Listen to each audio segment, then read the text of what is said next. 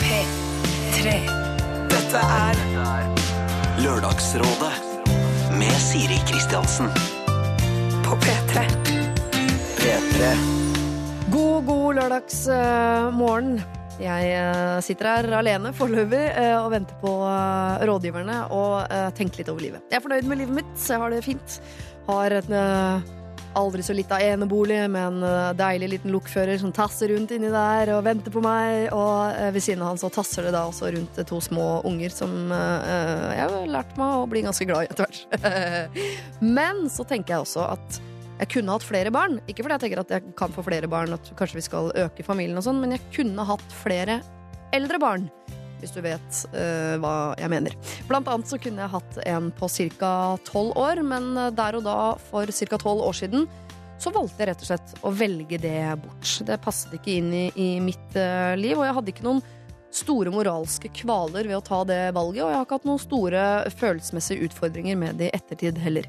Selv ikke etter at jeg da faktisk ble mor. Vi vet at mange syns det er vanskelig å se sånn Oi, se så nydelig det er, jeg ser de vokse opp. Jeg lurer på hvordan det barnet hadde sett ut, og hvordan det barnet hadde vokst opp, osv. Det vet jeg at mange syns er vanskelig.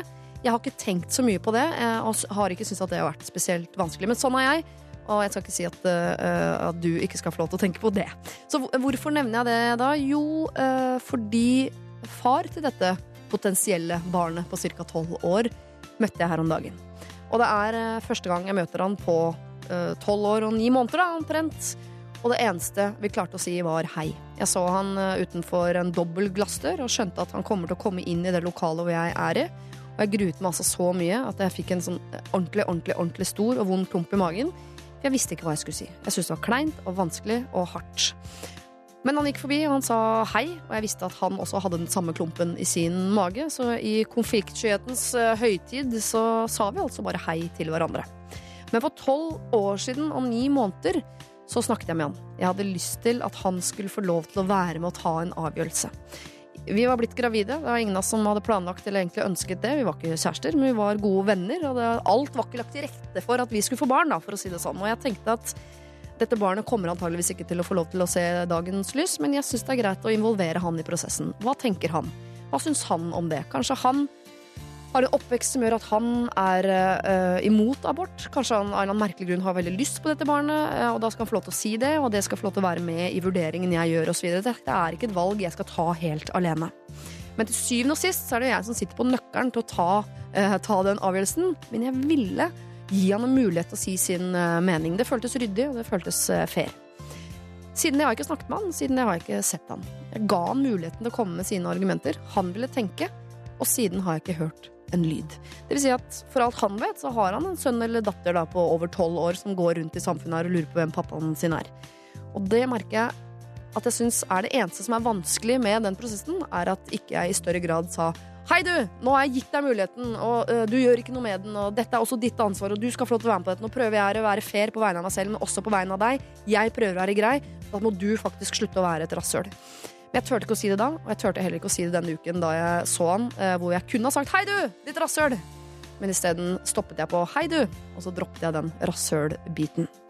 Vi skal snakke litt mer om dette her i dag, fordi vi har fått eh, brev eller mail da, fra en som heter Øyvor, som lurer på om hun har noen moralsk forpliktelse til å si ifra dersom man vet at man ikke noensinne kommer til å ta abort. Skal man si fra om det når man treffer en man velger å ligge med? Selv om man går på pillen, så kan man jo bli gravid. Skal man si ifra at nå er det en 2 sjanse for at du og jeg blir gravide, og da kommer jeg til å beholde barnet? Skal man si det?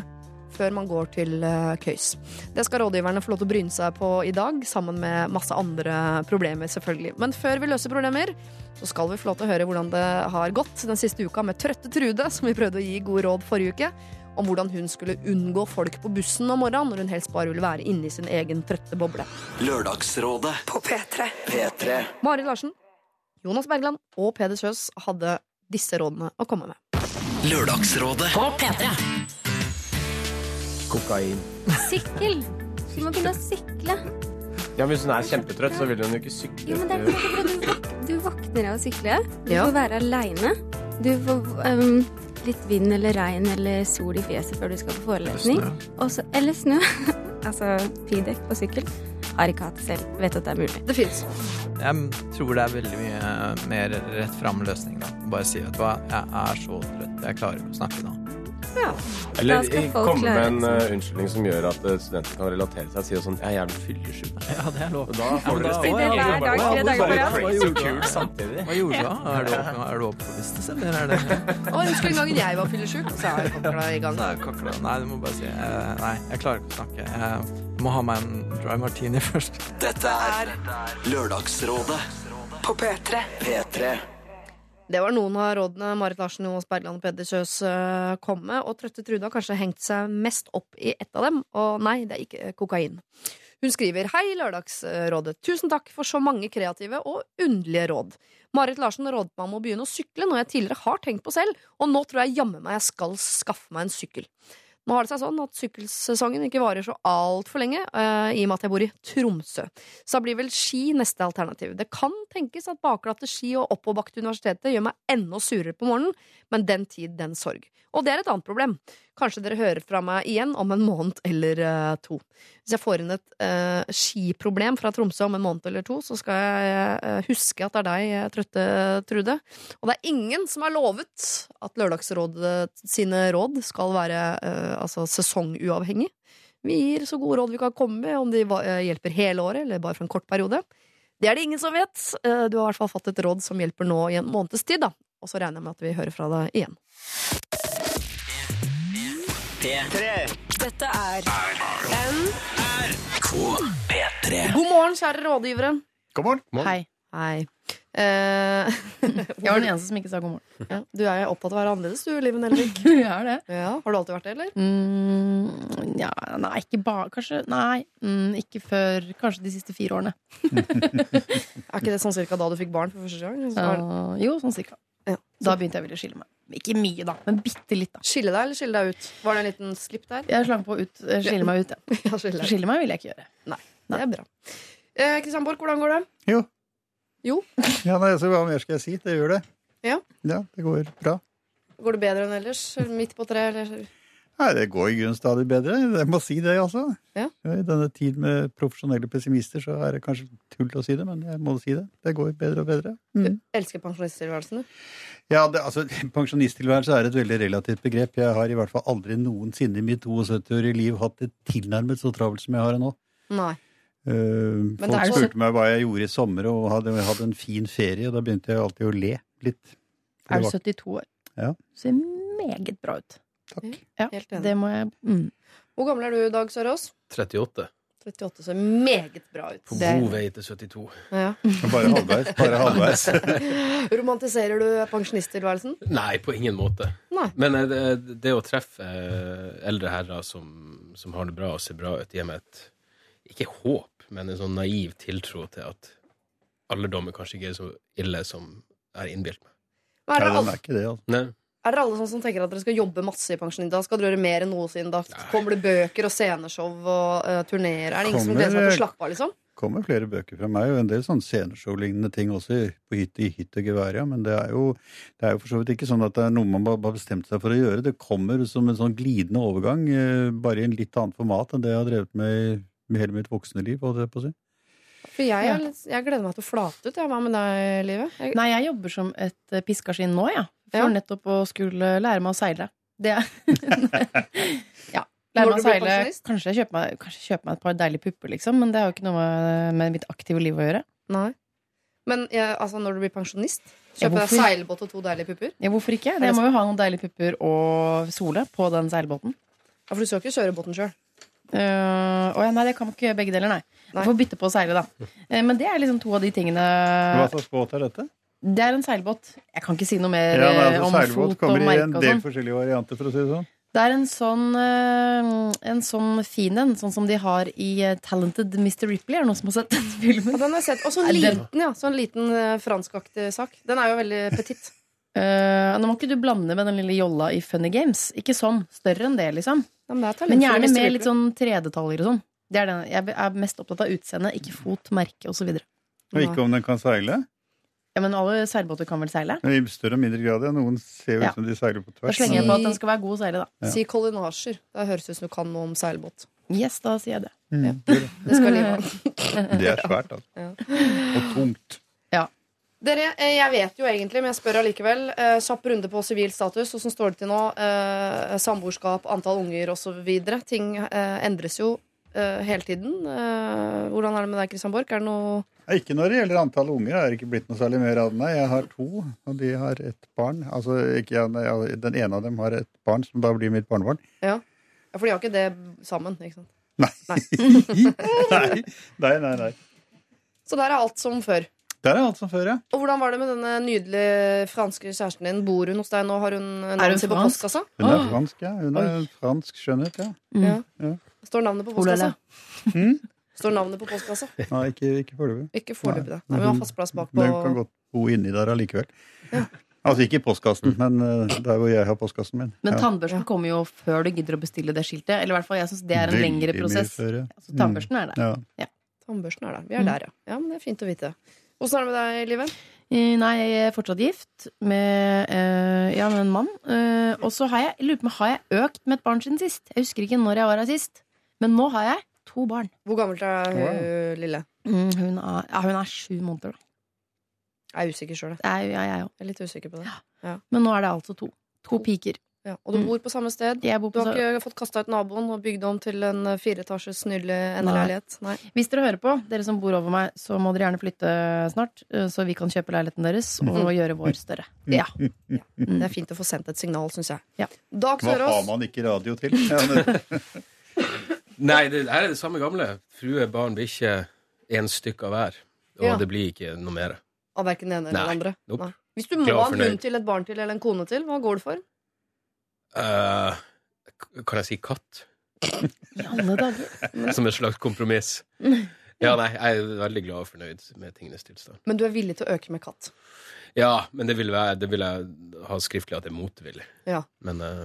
Når vi først nå er på en sånn bølge at vi gir beskjeder til naboer, og sånn sett, så kan mm. jeg gi en beskjed også til alle mine naboer i Son. Hvis det er noen i Son som har en sibirsk katt, så er jeg interessert i å komme på besøk for å sjekke om sønnen min er allergisk. Fordi hvis han ikke er det, så blir det katt Bare til jul. komme innom og gni katten mot sønnen en stund for å se hva som skjer, liksom. Ja, kan jeg få gni katten din i fjeset til sønnen min? Det er ikke kode for noe griste. Jeg Det går ut fra at akkurat det jeg vil. invitasjonen, invitasjonene kommer til å stå i kø når du kommer ut fra studio her. Ja, men det håper jeg. Det er jo Ja, alles drøm er jo å gå fra hus til hus og kose med kattene til folk. Er det ikke det, da? det har jeg i hvert fall hørt.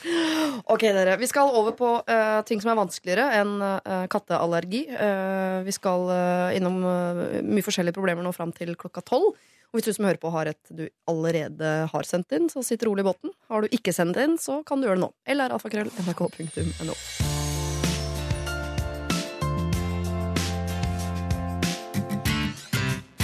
Kjære Lørdagsrådet. Jeg føler meg veldig ensom for tiden. De fleste, nærme, de fleste nærmeste venninnene mine har samboere og seriøse forhold, mens jeg er singel. Vi er en stor vennegjeng fra hjemstedet mitt som bor i en eh, av Norges største byer. Jeg ser, eller så på, disse som mine nærmeste venner, og jeg har sendt dem store deler av livet. Men jeg merker at jeg sjeldnere og sjeldnere blir bedt med på ting. Innad i gjengen er det flere par som ukentlig har spillkvelder, parmiddager og lignende.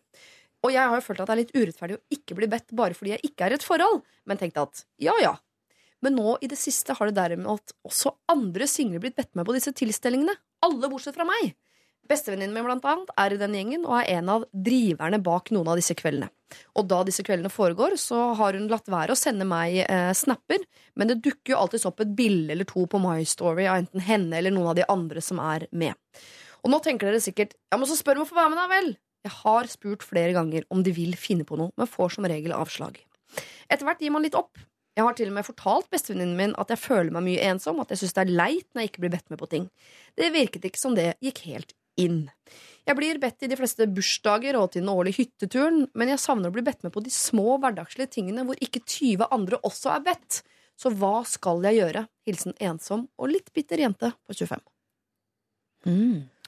Ah, så Det blir bedt i 30-årslager og eh, 40-årslager og sikkert til og med bryllup, men ikke på de der uh, litt mindre tingene som foregår hele tiden.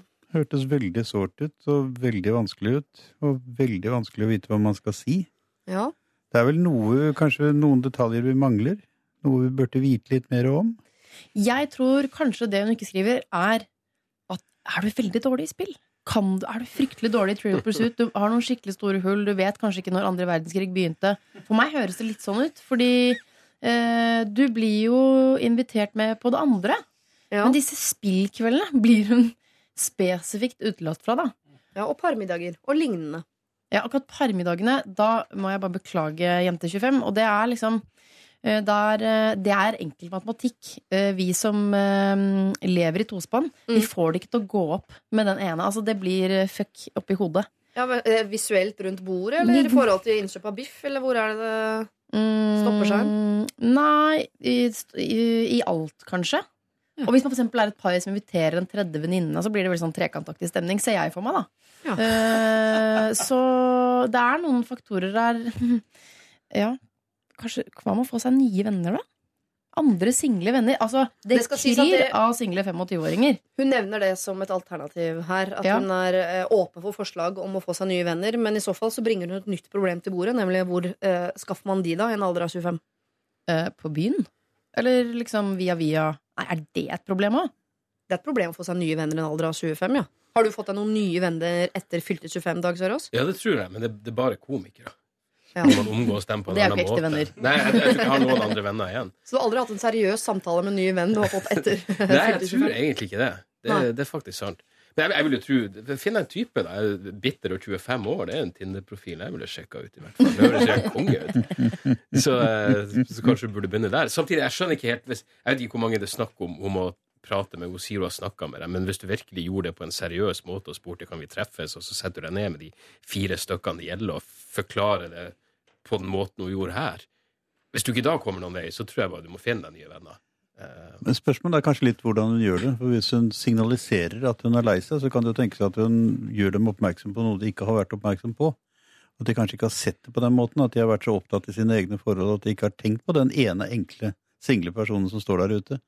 Ja, fordi når Jeg har litt tro på åpenhet, altså litt Mm. åpenhet om følelser, og så kunne rett og slett si hva, hva føler hun med dette, hvordan kjennes det ut for henne? Ikke nødvendigvis slik at hun skal på, påføre de andre dårlig samvittighet før de liksom har fått hørt hva hun har sagt, men allikevel åpne seg litt mer. Ja. Og det i seg selv kan være et, eh, en, en åpning for å bli trukket sterkere inn igjen. Men man vil jo helst bli kasta på grunnlag av at de vil ha deg der. Ja. Man vil jo ikke trygle seg inn i et selskap. Da er jo ikke følelsen eh, så veldig god, vil jeg tro.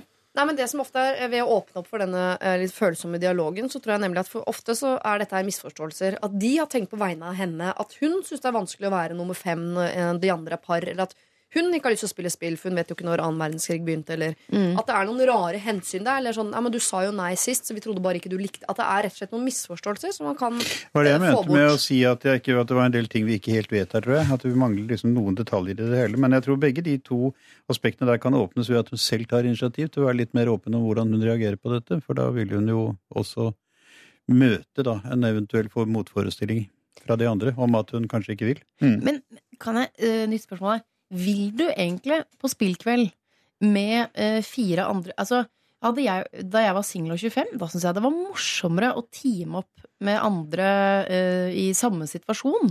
Spillkveld var for meg da ganske fjernt. Men eh, det er jo andre single også som blir invitert nå. For før var det bare par. Da godtok hun det. Da tenkte hun ja, ja. Men nå er det også andre single som blir invitert Mm. på disse kveldene. Og jeg, jeg kan forstå den sårheten og bitterheten Ja, som handler om sånn Jeg vil ikke bare komme i 30- og 40-årsdagen, jeg vil også komme i den derre ah, vi stikker på kino, eller skal vi stikke og ta en kopp kaffe, eller de småtingene i hverdagen som jo egentlig er et større lim i en vennegjeng enn de der store liksom, bautaene av, av bursdager og bryllup og sånn. Hun har lyst til å komme når hun ikke må ha gave med seg også. Ja! Du slipper vertinnegave på de der små hverdagslige tingene. Det jeg syns er skummelt her, er eh, når du etterlyser detaljer, Christian Borch, er jo hvis den detaljen er at det av en eller annen grunn er sånn at denne gjengen her ikke er så glad i ensom og litt bitter jente 25. Mm. Er det en beskjed man får hvis man ber om den? Eh, vil man ha den? Spør jeg tilbake. Hvis du, eh, hvis du fisker etter åpenhet, da, da kan du fort få den i fleisen, ja. Eh, Men ja, jeg, jeg, nå ble jeg plutselig litt sånn der Kanskje det er en misforståelse. Jeg tror Fordi hun bør ta det litt høytidelig. For altså bare det at hun definerer seg selv som ensom og bitter, gjør jo altså at hun er veldig oppmerksom på bitterheten, og det vil jo synes utenpå henne. Og det vil virke ganske bremsende for de andres uh, spontane vilje til å trekke henne inn, tror jeg. Mm. Så det kan jo tenkes her også at hun sender signaler som hun ikke selv er helt klar over, og som hun kanskje kan få ryddet opp i ved å prøve å snakke litt mer med følelsene om, det, om dette. Ja, for kan det hende at det der med litt bitter, som jeg også henger meg opp i, Mm. gjør at du er litt vanskelig å være sammen med for tiden. At hvis du prøver bare helt sånn å legge lokk på bitter og heller eh, Glad. eh, pøse på med glad, for eksempel. Ja. Ja, altså, jeg er jo ganske, sikkert generelt ganske negativ person, En bitterhet det må være en, en tilstand som ingen kler. Mm. Finn et annet ord, i så fall. Ja, men bitterhet er, Usikker eller et eller annet. Alt er bedre enn bitter. For bitter er en farlig vei Ja. å gå ned, altså. Er det ikke litt sånn du slenger på? Eh, Folk skriver på Tinder-profilen sånn 'Jeg er en gladjente'. Jeg tror ikke nødvendigvis hun er dødsglad, liksom. Men det er bare sånn eh, Så slang hun inn ordet 'bitter' her, da. Det er jo ikke sikkert det gjennomsyrer den unge kroppen hennes, liksom. Jo, men altså eh, Nå merker jeg at jeg er litt, litt grann vrang, for at jeg kan kjenne meg igjen i ensom og litt bitter jente 25 når det kommer til sånne typer sosiale settinger. Jeg tipper at hun er en som analyserer mye, går inn i et rom, sjekker hvem som snakker sammen, hvem som var sammen sist, osv. Mm. Og da kan man eh, kjenne litt på bitterhetsfølelsen som går på eh, Som jeg tror jenter er dårligere på enn gutter, dessverre. Som handler om sånn istedenfor å være glad for å se venninnen sin, Ja. så blir du sur for at du ikke har sett henne før.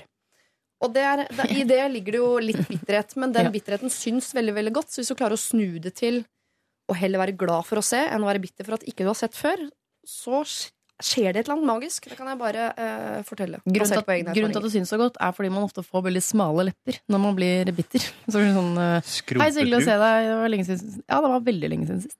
Man har leppene bare Et lukket forsvinner. snarr, liksom. Ja, det er, ikke noe, det er ikke noe koselig, så kanskje hun må rett og slett kvitte seg med det, de smale leppene. Ja. Mm. Det er veldig konkret tips. Ikke stå i et hjørne med smale uh, lepper. Men jeg, uh, vi forstår at du er ensom og litt bitter. Men vi tror og håper at dette her baserer seg på misforståelser. Så vi syns at det du har gjort med bestevennen din, nemlig å fortalt dette her, det må du ta en runde til på.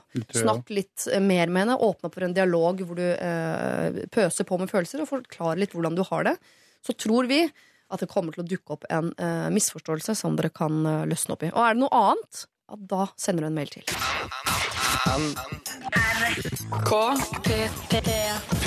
P3. Wild Target eh, hørte vi der med Henrik the Artist. Og det er mye mulig det, Henrik, men eh, jeg ville ha jobbet litt med det artistnavnet, for å være helt ærlig. Her sammen med en som heter Liss. Det er veldig kort, konsist. Det er et artistnavn. Det funker. Ja, ja, Henrik the Artist. Ta bort Henrik, i hvert fall. da Så er vi i nærheten av noe. The Artist sammen med Liss. Wild Target. Det hadde vært helt tipp topp, spør meg. Ok, dere. I dag er det eh, Live Nelvik som er rådgiver, sammen med Dag Sørås og Christian Borch. Vi har allerede prøvd å hjelpe en eh, ung, ensom, bitter jente. Nå skal vi over til et par som har et problem jeg håper noen kjenner seg igjen i. Hei på dere.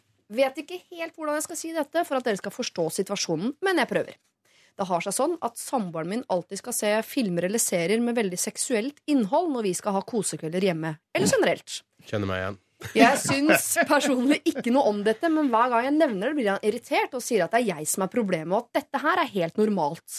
Det har gått så langt nå at jeg gruer meg til hver gang vi skal se en film eller en serie. Jeg blir rett og slett kvalm. Han er motstander av porno, og derfor forstår jeg ikke hvorfor han ikke kan respektere meg på dette. Så kjære Lørdagsrådet, er det galt av meg å nekte han å se seksuelle filmer og serier? Eller hvordan skal jeg få sagt dette på en måte som gjør at jeg blir hørt? Vennligst hilsen Elisabeth, som er 27. Typen er 31. Kan vi bare, fordi Det jeg hang meg opp i først her i dette problemet, er hva er en filmserie med seksuelt innhold? Er det noen som sitter på noen eksempler der? Ja, jeg sitter på noen eksempler. Ja. Monsters Ball, der uh, Er det film eller serie? Det er er en film. En film. eh, Der knuller vel, hvis det er lov til å si. Uh, Billy Bob Thornton, hun andre, Halle Berry, sønder og sammen i sånn ca. to og en Mhm. Og så har du Basic Instinct, som var eh, Har du flere eh, ting fra 90-tallet du vil dra fram fra skuffen, eller? Boogie Nights med Mark Wahlberg. Nine and a half weeks. Ja, ok, greit. Uh, men nå, da? Hvilke serier og uh, Jeg spurte nemlig Dr. Jones, produsenten her, for noen dager siden. Hva, hvilke serier er det? Og så nevnte han hva med Game of Thrones, for eksempel. Og så tenkte jeg sånn, å ja, selvfølgelig, men jeg tenker ikke over at det er sex i det. Men det er vel de seriene, kanskje? da Ja, men det er vel ikke fo med fokus på sex i Game of Thrones. Det vil jeg ikke si. Eller det vil jeg si med fokus på liksom, eh, brutal eh, Altså kanskje voldtekt, da. Det, det, ja. Jo, men det er mye kan s- horehus og greier. Ja. Det er Mye kos. Homosex. Det er masse godsaker. Masse flott. Ja, ja. Godsaker, ja. Masse Der sunn og har vi fornuftig sex. Ja, nei, men det, det, det, altså, det her kjenner jeg meg igjen i, for dama mi og Prippen. For det første, han er motstander av porno. Har du hørt sånn tøv. Det er det han sier til henne fordi hun er prippen. Det er jo helt åpenbart. Men dama mi er også ganske prippen. Hun begynner å klage helt til Game of Thrones kom, for hun liker det bedre enn jeg gjør. Og da tror jeg hun innså at hei, det er ikke så nøye med det ene sexet. Hvor godt liker du det? For du ser ut som en Game of Thrones-type. Hvis jeg kan få lov Nei, jeg er egentlig ikke det. Jeg er ikke sånn eh, Jeg vet ikke hva sjanger Fantasy-fyr. fantasy-fyren Ja. Nei. Jeg er ikke det. Men, eh, men jeg tror det gjorde at hun forsto at hei, det er ikke så nøye. Om du syns det her er ubehagelig, så knip øynene igjen i 30 sekunder, eller hvor lenge det varer. Men Men, hvis- men, men det er kjipt for han, fordi du blir veldig bevisst på det hvis du ser på noe Det er som å se, det er som å se noe som har sexscene sammen med foreldrene dine. Hvor du plutselig begynner å bli bevisst på noe du ikke ville tenkt over ellers. Men her må jeg snu på det. Fordi jeg, Hvis Game of Thrones er et problem For for meg så er på en måte sexen en parentes uh, i den serien. Uh, da, jeg tror kanskje hun må jobbe litt mer med sitt forhold til sex, hvis det er lov til å si. Mhm. For det er hun som ser eh, sex i alt hun ser på. Ja. Uh, kanskje han ikke gjør det. Kanskje han er som meg. Uh, så kanskje hun rett og slett kanskje, må ha, kanskje må ha litt mer sex. Det, eller det bare lukter Amen. men Jeg syns det lukter det- litt sånn av det problemet. 100 korrekt. Så Der står du på partiet med typen, eh, rett og slett. Eller fordi du, du tenker at du kjenner deg igjen i han. Men ingen av oss kommer jo på en Nå sa Game of Thrones ble nevnt. Jeg, mm. Masters of Sex er en serie som handler om sex, men jeg vet Ja. ikke om den er så veldig jeg så en serie i går, eller liksom noe sex, men for meg er det ikke det som står igjen. Det er jo handlingen. Ja. Uh, ja. Så Derfor jeg hadde forstått Elisabeth 27 veldig godt hvis hun hadde et problem med at samfunnet har blitt sånn at det må være sex i alle serier. Det, det, det er et problem jeg liksom hadde kjent meg igjen i. Men jeg bare lurer på hva det beror på at hun syns det er ukomfortabelt at typen vil se serier som det er sexy. Fordi det blir ikke det samme som med mamma og pappa. Jeg ville synes det har vært veldig ubehagelig å se eh, Game of Thrones sammen med mamma og pappa med en gang det dukker opp sex. Men med typen min, han har jeg jo sex med. Det blir jo ikke noe kleinere det, er enn det. det, er, det er derfor det er så ukomfortabelt. For jeg tenker, Hvorfor liker ikke du det her? Det, det er en kjip følelse hvis du sitter der og føler at "Eh, det her kunne jeg blitt småtent av i en normal situasjon, men fordi du, som jeg ligger med, syns det her er ubehagelig, så blir det en sånn her, ja, Det er som å finne ut at man tenner på vilt forskjellige ting. Så det er en ganske dårlig følelse. Kompromisset her er jo OK, så hun er ukomfortabel med det. Så la han se på porno i fred, uten at hun er der, og så kan de se på Men han liker ikke porno. Han liker ikke porno. Men hør, her er ikke, det, er ikke litt spørsmål om hva slags scener med hva slags sex denne mannen insisterer på å se? Altså, mener Seksualitet inngår som et element i absolutt alt som eksisterer av litteratur og film og overalt i alle mulige retninger bestandig, fordi det er en helt vesentlig del av menneskelivet. Men det kan jo behandles spekulativt, det kan beha behandles vulgært, det kan vulgariseres, det kan gjøres prompt og tungt og vondt og vanskelig hvis man spekulerer i det. Og rent sånne kommersielle historier som på død og drepe skal liksom tjene penger på det, pleier stort sett å aksentuere det og blåse det ut i en dimensjon det ikke har. Og hvis det er det han henfaller til, så kan jeg skjønne at hun blir litt sur, for det er jo liksom da går på bekostning av den kunstneriske, reelle kvaliteten i det. Så det er kanskje et lite spørsmål om det òg. Altså hva slags serier med hva slags sex er han insisterer på å se? Ja, for Hvis hun eh, sitter ved siden av han og tenker Å ja, det er dette du tenner på. Det er sånn du vil at Å ja, du vil at jeg skal være en dverg, og at vi er søsken, og at det er derfor vi ligger sammen. Altså, hvis, hun, hvis den liksom slår inn hver gang, så tror jeg det er, det er litt Det er jo den følelsen jeg tror jeg ville fått av å se på porno sammen med typen. Er sånn Vil du at jeg skal gjøre det der? Sorry, da må du bli sammen med en som er mer horete enn meg. For de greiene der driver ikke jeg med. Men at TV-serier har ikke den Altså den har ikke slått inn hos meg, da, men den har slått inn hos Elisabeth. Og hva er kompromisset, da? Er det en episode av Downton Abbey og så en episode av Ray Donovan? Eller? jeg har spurt, Ray Donovan har jo sexscene, men jeg har spolt over sexscener i serien. Bare sagt at nå begynner du, for jeg ser hun begynner å himle med øynene. Så da spoler vi over det. Det varer vanligvis i 30 sekunder eller et eller annet. Og du går jo ikke glipp av så veldig mye av handlinga. Men jenter, altså, jeg synes jo, Nå må jenter slappe av litt uh, i forhold til det pornogreiene. For det er jo ikke nødvendigvis sånn at hvis kjæresten din ser på porno, og så liker han eh, to damer med uh, trill runde, knallharde silikonpupper som er Så er det ikke sikkert han, han vil jo ikke at du skal være sånn, men bare han blir tent av det. Men det har ikke noe med deg å gjøre. Han vil ikke gifte seg med en sånn type dame. Kan vi bare senke skuldrene litt grann på det?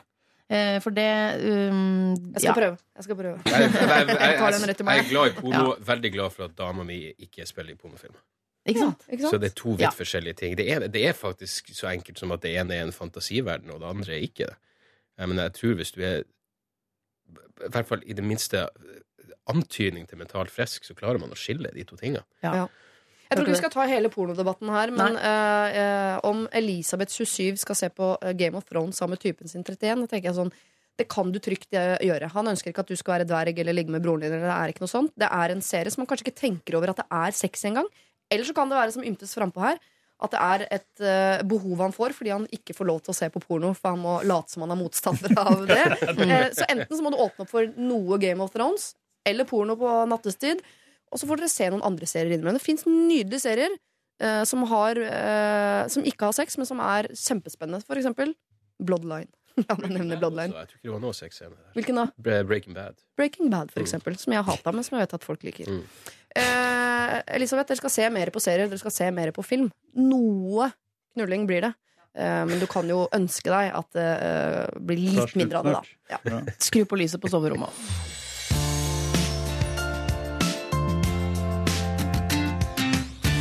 Vi skal nå møte en som heter Guro. Guro, folkens, skal du nå bli kjent med. Folkens, Det er da Dag Sørås i dag. Komiker. Live Nelvik. Er fortsatt i mammaperm, eller? Jeg er fortsatt i mammaperm. Ja, det er noe mammapermiker. Eh, Live Nelvik. Og Christian eh, Borch. Eh, NRK-legende, går jeg for nå. Ok. Jeg har en venninne som også er gudmor til mitt barn. Hun har to barn selv, og greia er at jeg syns hun er noe særlig god mor. Faktisk så dårlig at jeg føler det er omsorgssvikt av og til. Whoops. Det har pågått lenge, og nå sliter jeg med å sitte på sidelinja. Den eldste ungen går alltid i veldig skitne og hullete klær. Alltid snørr og buser hengende ut av nesa, alltid skitten rundt munnen, klissete brune hender osv. osv. Høres ut som sønnen min. der. Sorry, Omgivelsene hun bor i, er ganske like. Hun rydder og vasker aldri. Det står pappesker i stua. Hun kan finne på å tørke opp sølt kaffe med en tilfeldig body eller T-skjorte som ligger allerede skitten på gulvet. Og så lar hun bare ligge etterpå. Noen ganger har jeg faktisk ikke lyst til å ta meg på beina når jeg kommer på besøk. Hun har eller ingen form for oppdragelse. Barna får gjøre og si akkurat hva de vil uten at det får noe som helst konsekvenser. Barna hører aldri etter når noen snakker til dem, og hun kommer bare med tomme trusler, eh, som jo da aldri blir noe av. Dette gjør barna helt ufordragelig å være sammen med, og de leker dårlig også med andre barn. Hun gjør heller ikke som andre foreldre, som f.eks. leser, synger, lærer dem om tall og bokstaver osv. Hun vil at barna skal se på TV eller nettbrett eller leke med mobilen og underholdes på egen hånd. I tillegg til dette får barna også lov til å spise barna har lov til å spise hva de vil, og når de vil. Istedenfor å lage ordentlig middag kan hun gi barna en kald pølse og litt mariekjeks til de er mette. Godteri og brus på tutekopp, det er daglig kost. Så det ene barnet har til og med fått brus på tåteflaske som tørstedrikk om natta i lang tid. Jeg har prøvd noen ganger å kommentere småting, men det ser ikke ut til å ha noen effekt whatsoever. Så jeg lurer på om jeg skal si det til henne klart og tydelig at det hun gjør nå, det er ikke bra for barna. Eller kan jeg gjøre noe så drastisk som å sende inn denne bekymringsmeldingen? Eller skal jeg la det være? Jeg ønsker jo ikke å viske ut alle årene med vennskap, men jeg føler ikke at det er noen vei utenom her. Fins det en vei, så fortell meg om det. Vær så snill. Hilsen Guro. Den er ikke grei, nei. Den er ikke grei. Det hørtes jo ut som en mail til barnevernet. Ja. Ja, Det er ikke langt unna. Nei. Det er jo et forferdelig bilde hun tegner av denne mor, da. Jeg vet at man skal ta hensyn til barna, de er viktigst. Sånn. Men klarer man å melde en, uh, barn, en god venninne til barnevernet? Ja, det, får man det til? Det gjør man. Men da hun åpnet med skitt og booster og sånn, så tenker jeg at det eh, for meg er ofte Det er de barna som egentlig har det best. For det er også eksempler på uh, altså de, de rene barna som på en Mm. måte uh, hvor mor svever over, og det er ikke lov til å liksom le ut én buse en gang iblant.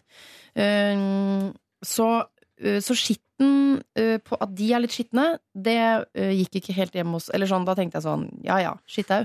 ja, det var ikke meningen det Ja, Eh, så vi kom vi til eh, Ja, så gikk det videre til liksom skitt hjemme. Mm, ok. Men jeg syns når vi kommer til liksom kald pølse, mariekjeks, brus på tåteflaske og nettbrett Her er det liksom alt jeg er motstander av, da. Ja. I en og samme smæle. Uh, Hun vet jo ting som Og det gir henne brus på natta, så hun det er jo åpenbart ikke noe som hun prøver å skjule, så hun må være litt dum i tillegg. men det er litt spesielt, for hvis du gir ungen din Ja. Hvis du gir ungen din tåteflaske på natta, det vil da si melk, da, som er, i så fall, eller kanskje litt vann, så tar man de opp bare for å se om de raper. Tenk deg den kullsyrerapen. Det er liksom et aspekt jeg ikke visste at fantes.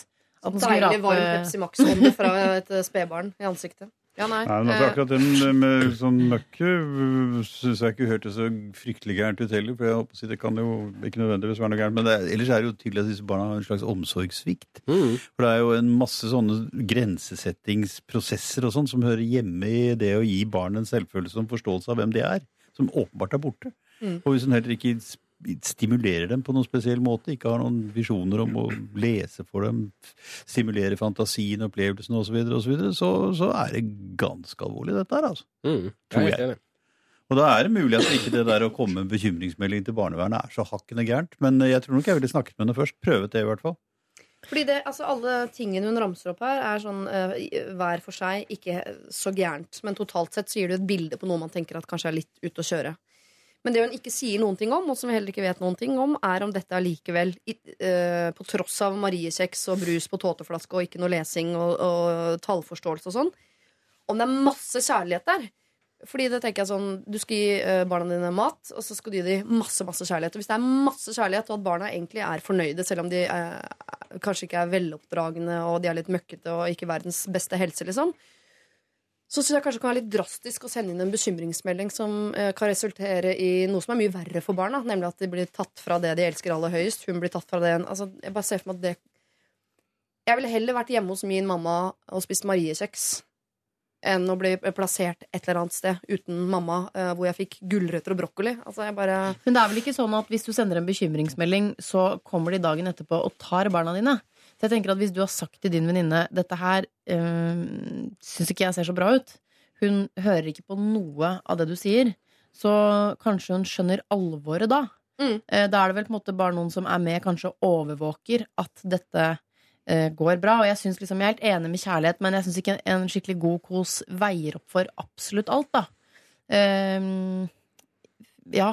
Men jeg, jeg er jo enig. Jeg vil også heller spise en uh, kald wiener hos mutter'n enn liksom spagetti bolognese eh, hos noen fremmede. Men, men det er jo alenemor. Det sier jo ikke om Kanskje faren er helt fantastisk, lest ungene og bare gjør dem økologisk. Faren er samme typen, kan jeg jo Ja, okay. legge til. Ja, Mm. ok.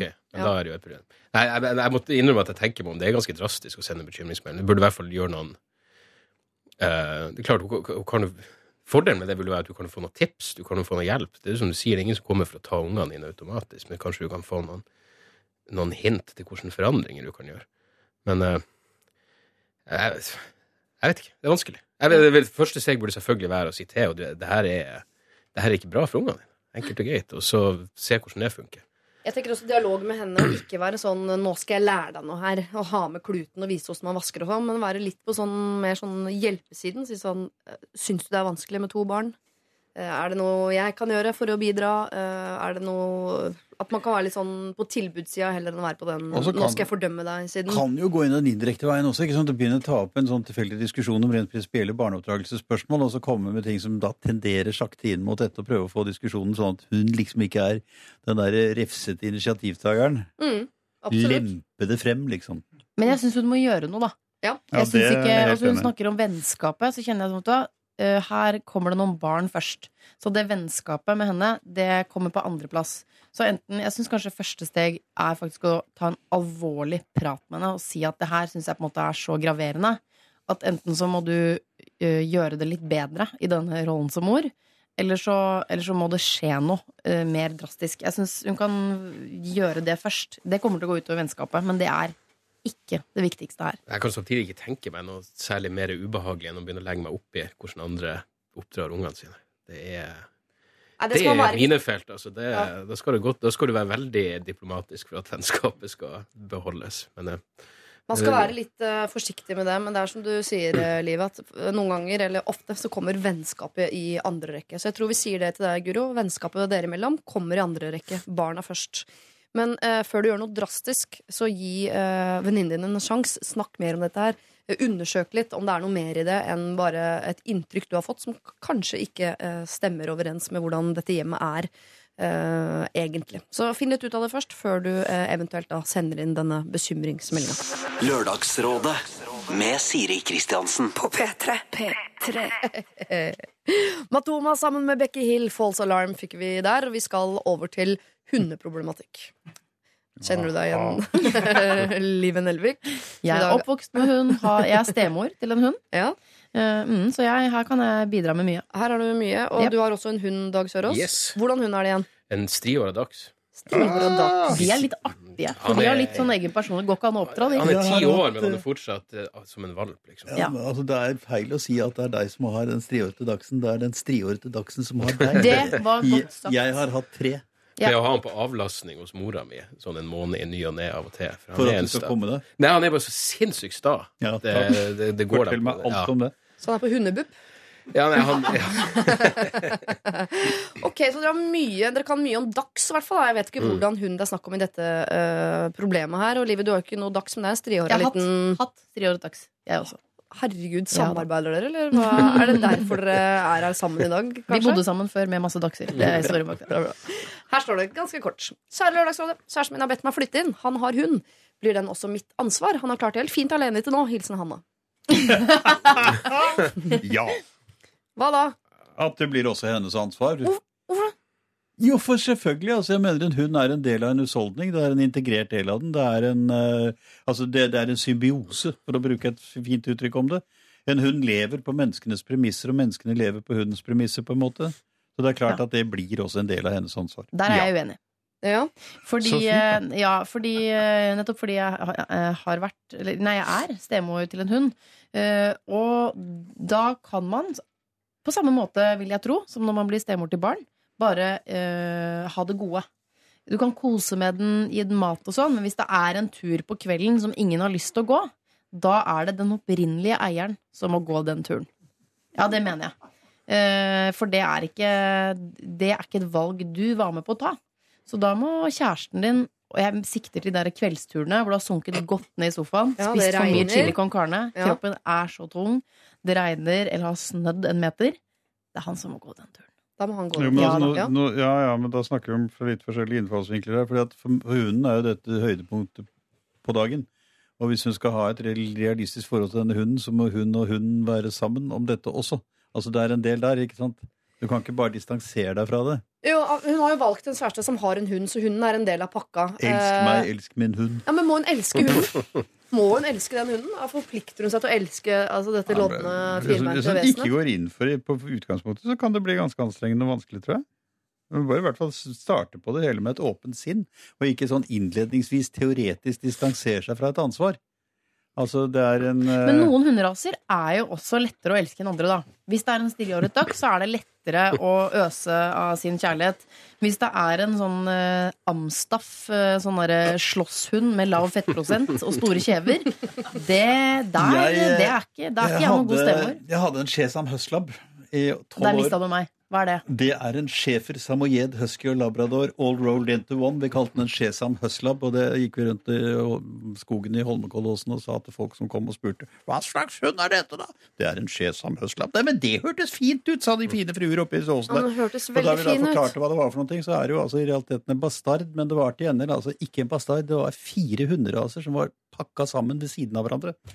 Og det var virkelig håpløst. Altså Det er det vanskeligste dyret jeg noensinne har hatt, men da vi endelig fikk temmet henne etter tre år, så ble hun altså et vesen som inngikk i denne symbiosen jeg snakket om. Og det var altså en del av oss, og vi en del av henne, på en måte. Men Ja. dette oss du snakker om der, er jo da to stykker som sammen blir enige om at Jo. la oss få oss en hund. Nettopp. Men den, den, min daværende kone, for å si det sånn, hun hadde ikke hatt hund før hun traff meg.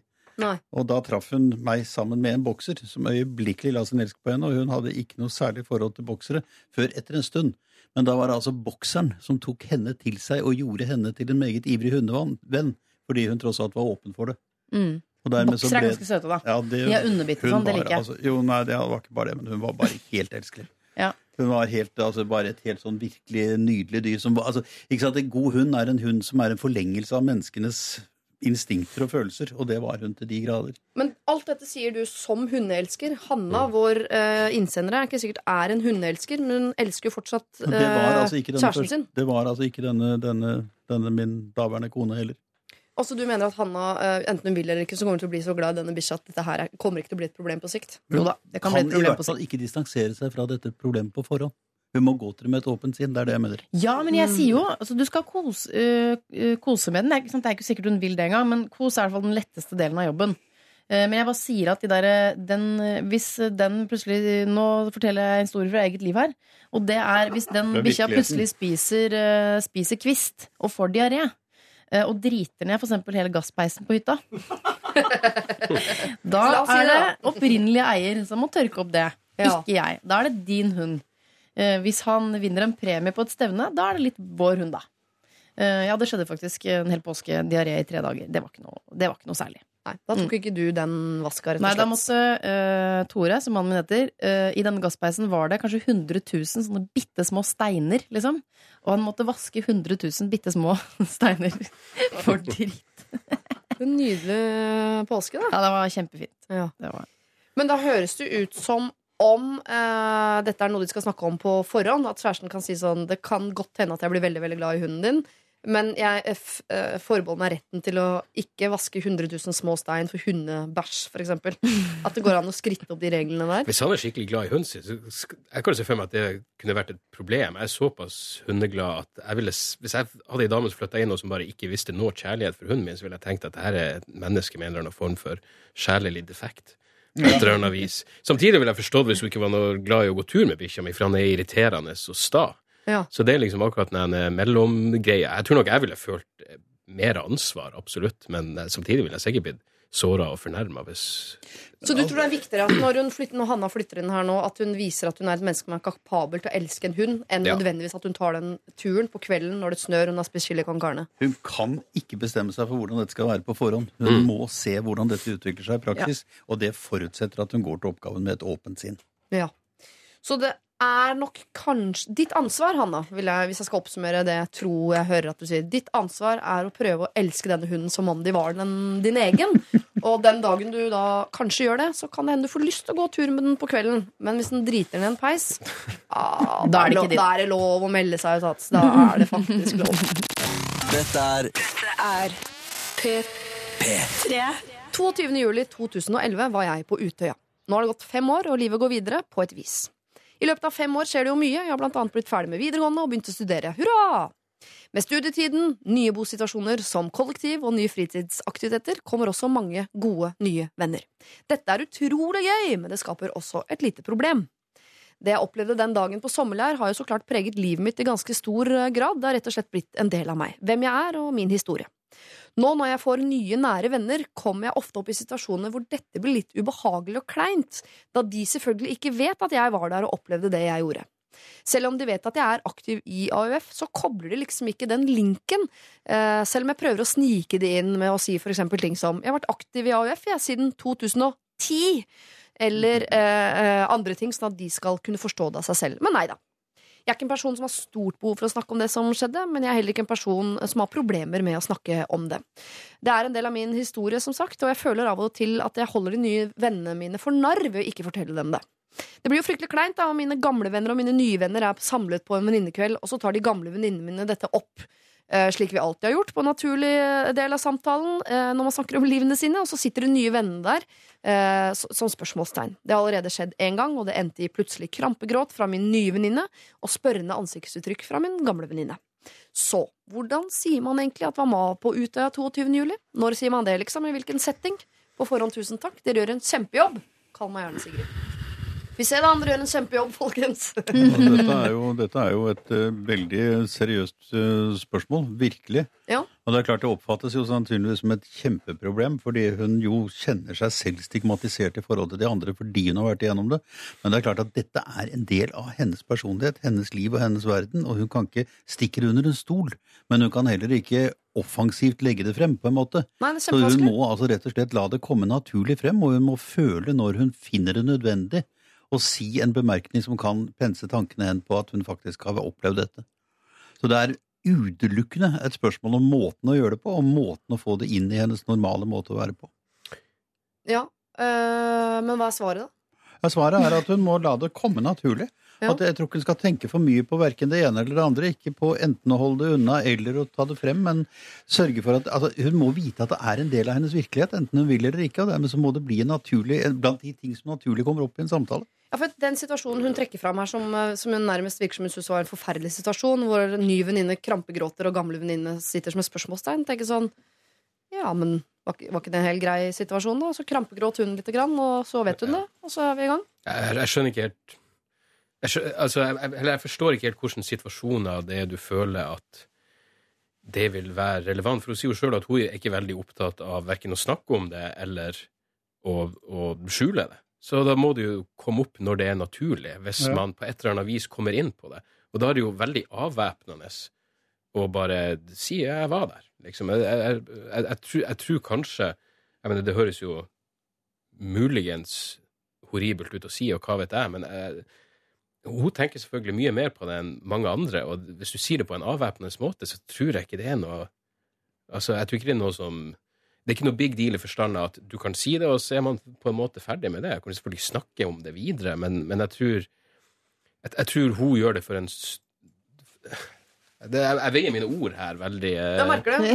Men jeg tror, jeg tror ikke hun må gjøre det til en større ting enn det er. Fordi Mm. de aller fleste er fullt kapabel til å plutselig høre det hvis det er relevant, og så takle det. Mm. Og si det var forferdelig å høre. Jeg tenker Det eneste som er farlig her, er, eller som er viktig, er at hun øh, sier det når det er naturlig, men ved første anledning. Sånn at ikke La oss si det har sittet en gjeng da, og diskutert Utøya, og så har man, noen har sagt kanskje noen flåsete ting midt oppi det, og man har sittet og snakket om det kveld. En hel kveld, så har Sigrid sittet der og ikke sagt noe, og så går det to måneder, og så dukker det opp sånn Ja, Sigrid, du var jo der.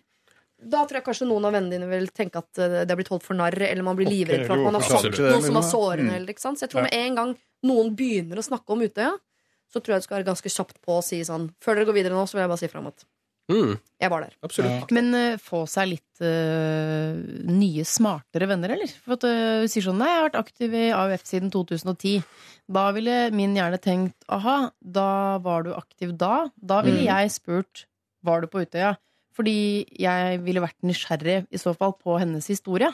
Mens her høres det ut som hun opplyser om at jeg var med i AUF, og så eh, er det på en måte bare sånn Hei, skal vi ta en Snapchat-bilde med hundeører og slikkende tunge? Altså, de er jo ikke De følger jo ikke med, Nei. mener jeg da. AUF, hva er det forkortelse for igjen? Ja, Litt sånn type ja. Ja. Men jeg, men jeg er helt, Jo, men det helt kan også hende at det er en gjeng som Jeg vet hva AUF er, jeg vet hva som skjedde i 2011, og nå sier du at du var aktiv. Det vil si at du antageligvis var der. Det skal jeg i hvert fall ikke spørre om, for det blir en vanskelig og dyp Mm. og klein samtale som jeg ikke orker. mm. Kan noen tenke. Nei, jeg, jeg stiller meg bak Men jeg tror, hun skal være, være forsiktig med å tenke at noen kan tenke det. For da kan hele formen rundt det bli ganske kunstig. Hun kan komme til liksom å holde ting som det ville vært naturlig å snakke om inne på en kunstig måte. Mm. Så det, altså, det er om å gjøre å få en aksept av at dette er en del av henne. Det kommer hun ikke utenom.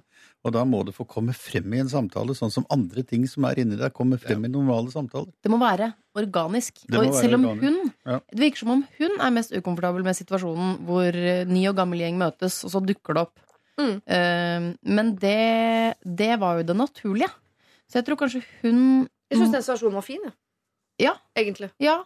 Jeg, jeg tror man må huske at dette er en del av hennes livshistorie, men ikke nødvendigvis en del av hennes identitet, hvis ikke hun vil gjøre det til det. Jeg mener, Det er noe horribelt som hun opplevde. Og jeg er 100% enig i at du må i hvert fall ikke hvis noen begynner å snakke om Utøya, sitte og vente til de snakker ferdig, for da virker det som du bare venter på, på en mulighet til å høre hva de sier når de ikke vet at du har er personlig er berørt av det. Eh, Men, men si det på en avvæpnende måte. Om, om så på en kødd at man bare sier hei, bare for å ha det sagt, jeg var der. Så. Ja. Og, så, og så er man og så er opp til de andre da, om de har lyst til å ta det videre og snakke om det. Så Sigrid trenger ikke å gå inn i enhver setting med sånn eh, Hei, nå er vi i ferd med å bli kjent, jeg må snakke med deg om noe. Trenger ikke Nei, å ta dem. Hun trenger absolutt heller ikke å legge det fram i hver setting sånn på en eller annen flåste måte. Mm. Men jeg tenker at eh, bare ha i bakhodet at i det øyeblikket ordet Utøya dukker opp, så skal du være ganske kjapt på med å fortelle at 'jeg var der'. Mm. Eh, og det kommer til å komme kommer flere situasjoner hvor andre nevner det. Det kommer til å være flere, kanskje krampegråt og spørrende ansiktsuttrykk. Men det tenker jeg at det er helt greit, Sigrid. Du skal få lov til å slippe å gå og tenke på dette hele tiden. Når skal jeg si det, hvordan skal jeg si det, hvilken setting, hva er riktig, hva er feil? Det er ingenting som er riktig eller feil. Du skal bare si det når det føles naturlig ved første anledning. Dette er Lørdagsrådet På P3. P3. Red Camp for Cutie med I Will Follow You Into The Dark hørte vi der. Og vi skal nå kanskje en tur til eh, Syden. An- Jeg elsker Syden. Ja. Hvilken syd? Ja, det store Syden. Det har så mye å si. Der nede et sted. Der hvor det skinner. Drøbak? Ja, det er jo syd for her hvor vi er. Der var mikrofonen, ja. Var Ja. det bedre? Det er mye, mye bedre. Min eks og jeg flyttet fra hverandre for to år siden. Vi har delt omsorg for verdens beste fireåring og har et utrolig godt samarbeid rundt henne. Vi hadde et fint brudd og får veldig ofte ros for vårt samarbeid. I fjor bestilte mine foreldre en sydentur og lurte på om min eks, jeg og datteren vår ville være med. Vi tenkte at det skulle vi vel få til. Vi feirer jo jul sammen og er relativt mye sammen på fritiden med datteren vår. Sydentur ble booket i januar i år, og avreise er i november. Vi snakket litt om hvordan vi skulle gjøre det om en av oss fikk oss kjæreste i mellomtiden. Uh, vi reiser jo sammen som foreldre, ikke som ekskjærester. Det må den nye partneren godta, kom vi fram til. Det viser seg eh, derimot å være litt vanskeligere i praksis. Jeg har nemlig fått meg ny kjæreste for tre måneder siden. Han er utrolig positiv til samarbeidet mellom eksen min og meg, og syns oppriktig at det er helt greit at vi har denne gode kontakten rundt vår datter. Men denne sydenturen, der er han ikke for. Han syns det er dårlig gjort at ikke han, som min nye kjæreste, får være med på tur med mine foreldre. Han foreslo å bli med i tillegg til min eks, at vi kunne dra alle sammen, liksom. Det var uaktuelt for eksen. Er det riktig å reise med eksen og vår datter på sydenferie med mine foreldre? Eller er det riktig å reise med min nye kjæreste, datteren min og mine foreldre? Jeg foreslo at min datter og jeg reiser alene med mine foreldre, men det resulterte i at uh, min eks ble såra fordi vi allerede hadde planlagt dette, og at min nye kjæreste også ble såra fordi han ikke fikk lov til å være med. Han mener at jeg tar mer hensyn til min eks enn jeg gjør til han. Jeg vurderte også å avlyse hele turen, men datteren min og foreldrene mine har jo gleda seg lenge. Jeg vil bare at alle skal være fornøyd, og jeg vil ikke såre noen. Pappa mener at jeg burde være singel for resten av livet og unngå sånne situasjoner. Det skal også nevnes at jeg skjønner godt begge parter. Denne turen ble jo bestilt for lenge siden. Men samtidig vil jeg ikke juble hurra hvis kjæresten min skulle ha reist på ferie med sin eks og hennes foreldre. Hjelp! Kall meg Anna. Åh. Kjapt meg førstetanken At dette er et fantastisk oppskrift for en ny sånn komiserie. ja, ja, ja, ja. Her er manuskriptet skrevet på forhånd. på en måte. Dette er forviklinger i endte potens. Men i denne serien, hvem ser du for deg drar til Syden? Nei, det var ikke lett, nei. Nei. Men jeg må jo si jeg skjønner den nye kjæresten veldig godt. Altså, for men mener, Skal det være et forhold, skal det være et seriøst forhold, så ville det jo vært helt naturlig at hun tok med ham. på en måte. Og hun må jo, altså Dette barnet må jo føle siden godta at moren og faren er ikke sammen lenger. Men vet du hva? Der, um, der er jeg Jeg stiller meg annerledes til det. Fordi uh, for det første så var denne turen bestilt på forhånd. Eh, jeg også hadde syntes det hadde vært rart som ny kjæreste hvis, uh, hvis liksom min nye kjæreste og, og hans eks bestilte turen mens jeg var med i bildet. da, da, det er rart. Denne er bestilt på forhånd. Mm. Og hvis man har Men altså, det er ikke meisla i stein. Altså, du kan. Jeg syns det er litt sånn billig argument. Ja, men uh, vi visste ikke Det er litt sånn mutter'n. Hun er sånn Jeg kan ikke forandre den billetten nå. Det blir veldig mye styr. Men man kan jo enkelt gjøre det, selvfølgelig. Men, men de er foreldre, og de, de skal ikke dit alene. Eh, De skal ha med seg datt, sin felles datter, Mm. og de skal på tur med hennes foreldre. Det er, det er, ikke, det er ikke pøkeferie, det her. Nei. Nå skal det sies at jeg har et, et ekstremt avklart forhold til ekskjærester. Uh, I mitt hode så er det sånn hvis du er ekskjæreste, da er man på en måte ferdig. Mm. Så jeg frykter mer uh, Jeg frykter andre ting enn ekskjærester. Men jeg registrerer at veldig, altså, i samfunnet generelt så er man veldig opptatt av ekskjærester. Det må vi slutte med. Det er eh, gammel historie. Hvem ser du for deg at skal dra til Syden her i dag? Jeg, jeg, fikk- jeg fikk seriøst hodepine av å høre på det der. Men jeg, jeg tenkte også bare instinktivt ja, Fær nå da med eksen, da. Altså, hvor lenge skal de være der? Og så er dere ferdig med det, og så drar dere til Syden i lag en annen gang. Eh, kanskje jeg bare stoler for mye på dama mi, eller ikke har nok empati til å sette meg ordentlig inn i det problemet, men, men jeg, jeg, jeg, jeg skjønner ærlig talt ikke at det er en så big deal at du er såra. Nettopp som du sier det, det her er planlagt før de ble sammen. Så da har vi Så, to som ja. er for at eksen skal dra. Vi har en som er for at den nye kjæresten skal dra. Og så har vi meg som mener at alle burde dra sammen. For det er det rareste.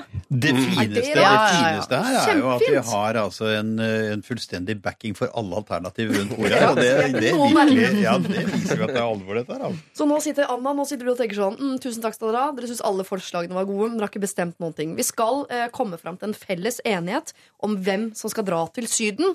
Men først så skal vi innom Sondre Justad. Vi er foreløpig ganske uenige om hvem som skal reise på denne sydenturen. Eh, men Live, du eh, hardnakket påstår at du sitter på fasit. Altså, mitt øh, Hør på meg. Ja, ja, ja, er du gal? Er du gal? Er Du du skal gal? kjøpe min løsning her nå, Anna. Uh, vet du hva? Eh, hvis du lever livet ditt litt mer sånn som meg, så blir det så mye deiligere. Dette her er for meg egentlig enkelt. Du vil jo ikke såre noen, selvfølgelig. Men han er den nye typen din. Er han liksom Er han tolv år gammel? Hvis du og eksen Det nå, nå Dette forutsetter jeg at du og eksen din At ikke, det er ikke sånn eh, At det er dødt, liksom. Det er ikke noe flørtete tone der. Dere er faktisk bare et samarbeidende par om denne datteren deres. Mm. Um, ja, da syns jeg at du, du skal følge den opprinnelige planen, og Mm. det må han nye typen finne seg i. Ja. Og så sender du litt sånn toppløsbilder og sånn ikke sant, fra turen, for da har du blitt brun og fin, og så blir han også glad.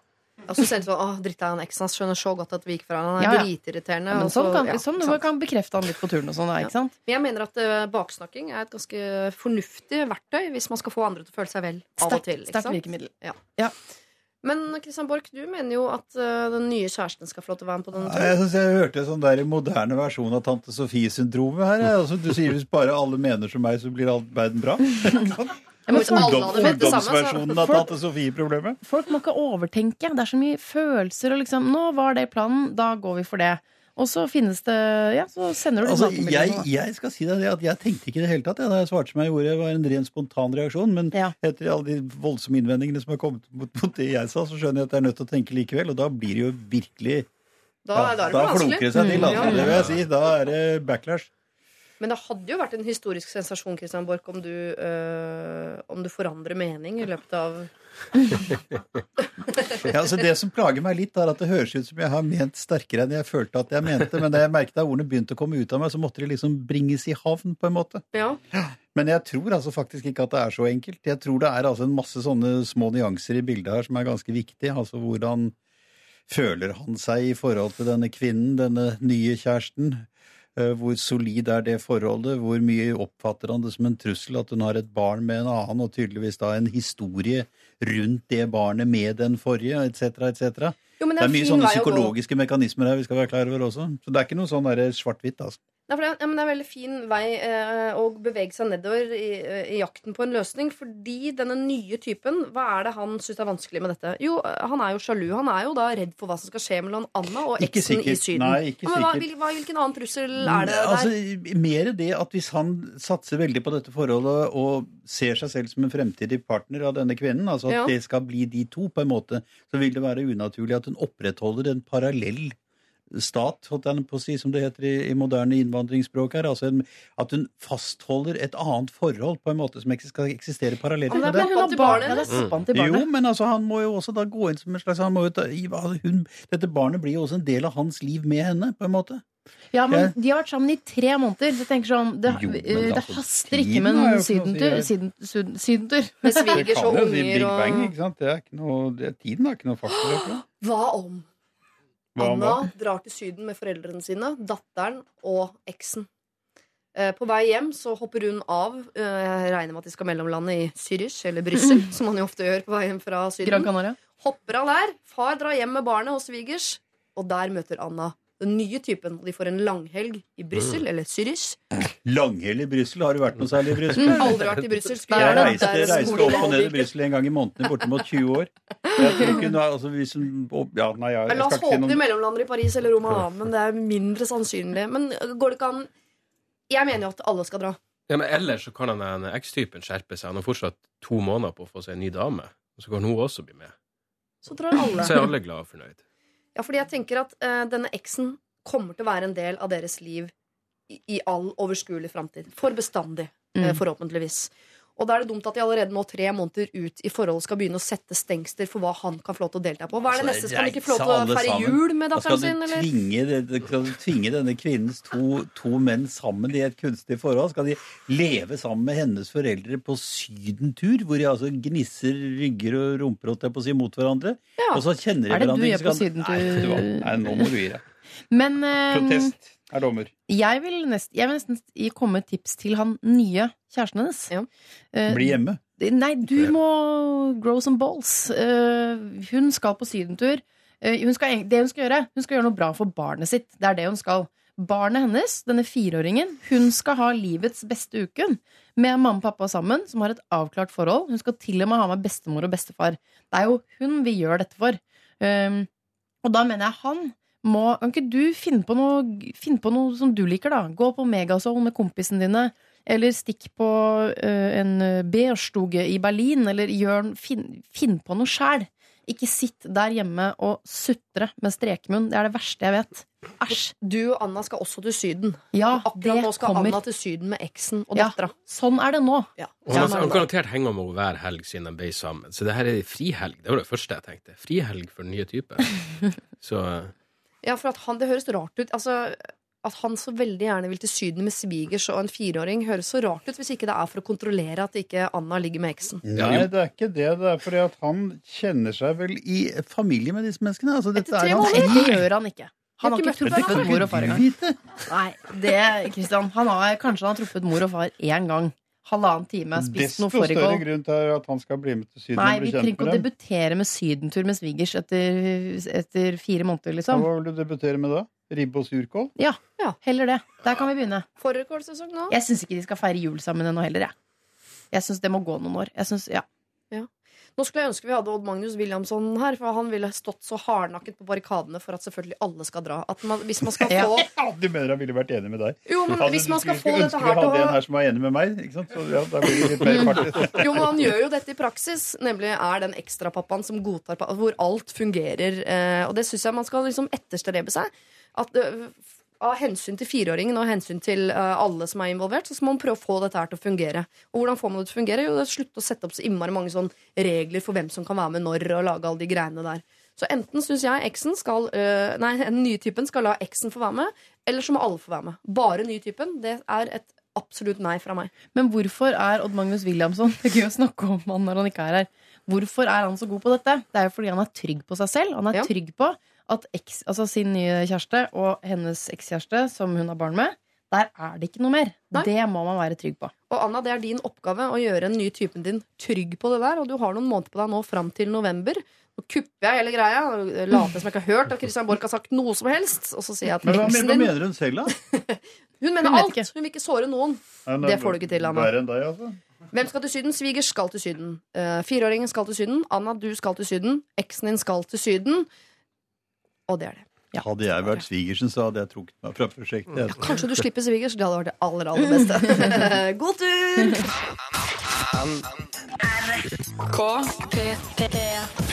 P3. Kjære Lørdagsrådet, verdens beste radioprogram. Takk skal du ha.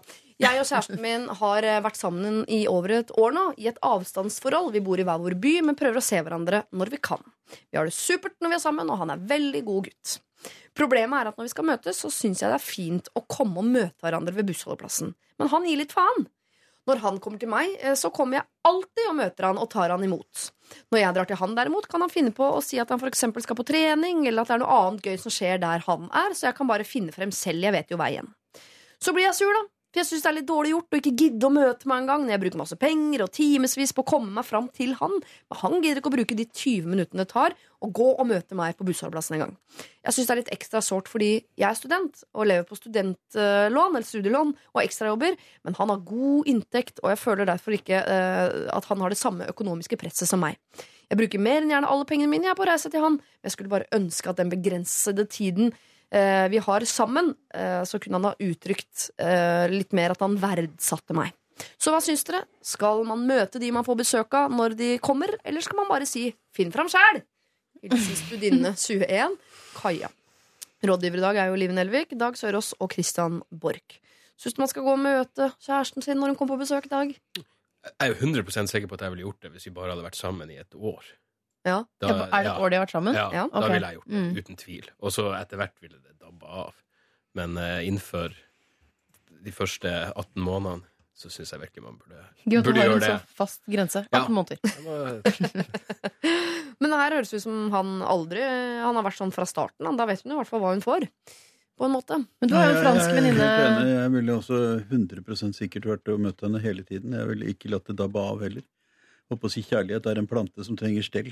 Og det gjør du blant annet ved å vise at du verdsetter den andre på en måte. Og jeg synes det høres ut som en eh, farlig nonsjalanse han gir uttrykk for. Jeg skjønner at hun blir både såret og lei seg. Men av og til så er han jo å trene, så da må Jo, hun kanskje velge mellom Det kropp og omsorg. Det er ingen Men, eh, regel uten unntak, men Ja. altså, som, som regel høres dette her ut til å være helt gærent. Men jeg tror, hvis du skulle delt inn um, gutta i samfunnet i to, da så tror jeg den delen som setter seg i kajakken med en bagett under armen og møter sin øh, kvinne med et fransk dikt, altså sånne som deg, Christian Borch, dere er veldig få.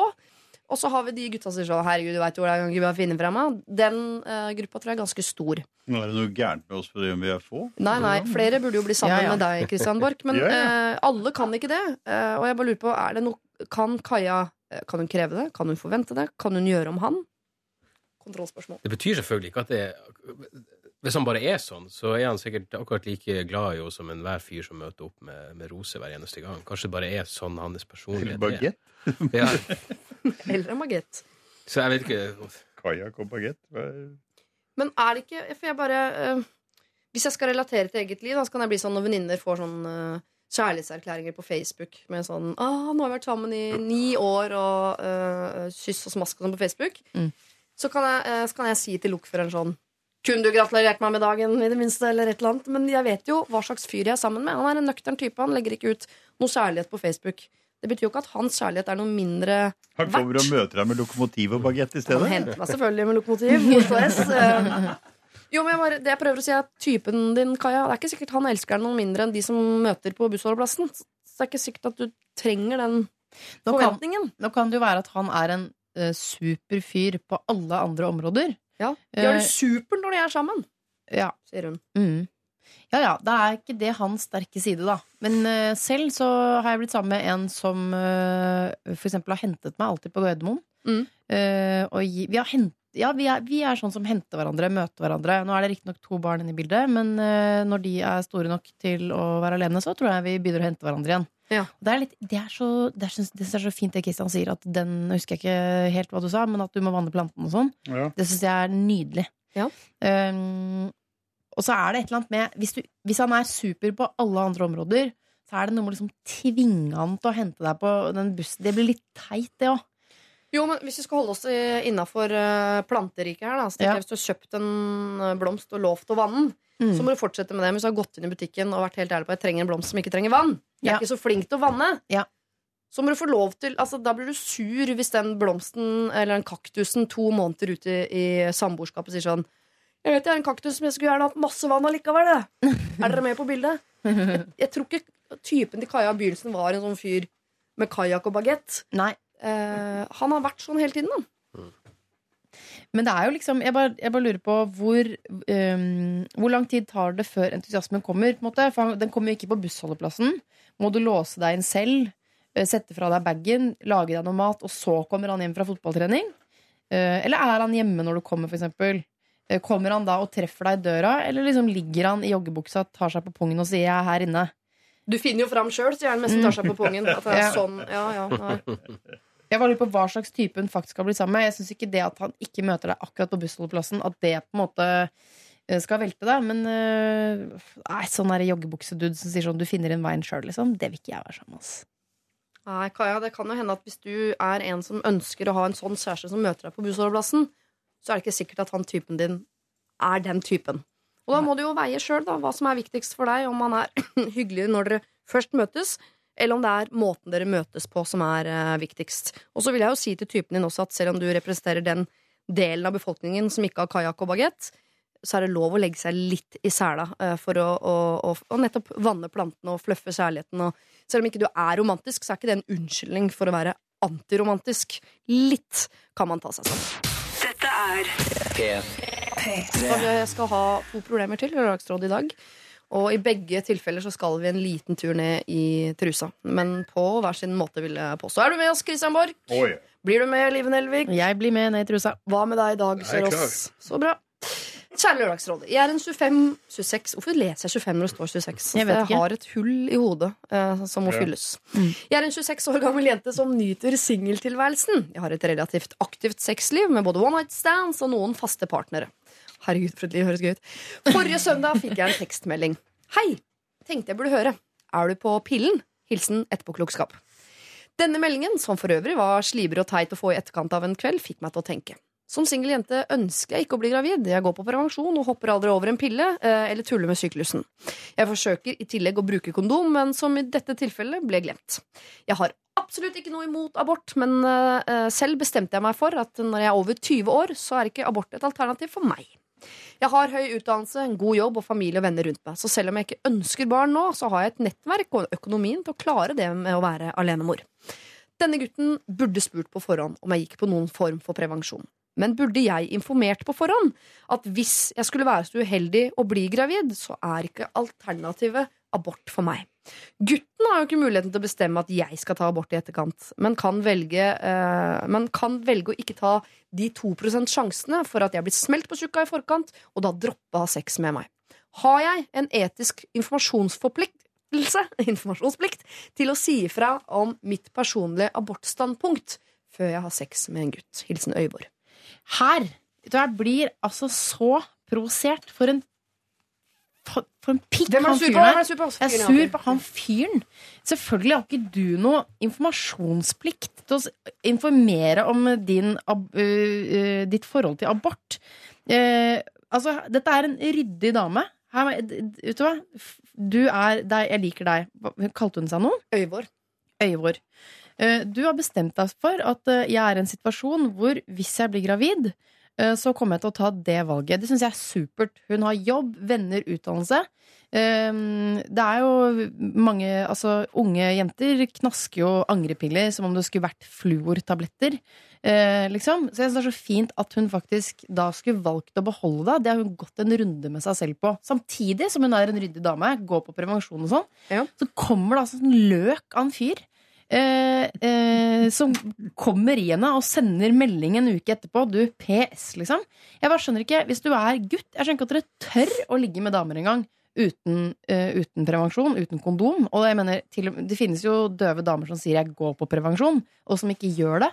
Og likevel, folk er så tankeløse, fordi liksom, man kan jo alltids bare ta abort. Og abort er liksom Det er en rettighet vi er, skal være veldig glad for at vi har, men det er også liksom en forferdelig ting, da. Mm. Um, å nei, dette, dette pro provoserer meg så ekstremt. Men Øyvår er kul, altså. Hun, har- hun syns jeg er helt fantastisk. Jeg tror Hadde jeg fått meldingen 'Hei, smilefjes, tenkte jeg burde høre, er du på pillen?' Er du- Hilsen etterpåklokskap, så hadde en del av meg tenkt sånn 'Å, herregud, er det ett tidspunkt i livet jeg håper at den pillen funker, så er det meg', for det der skal ikke bli far til mine barn. Ja, det- Samtidig som jeg har tenkt sånn Håper jeg får den ungen, ass. Jeg skal få en hevnunge. Jeg skal få betale så dyrt for ditt jævla rasshøl.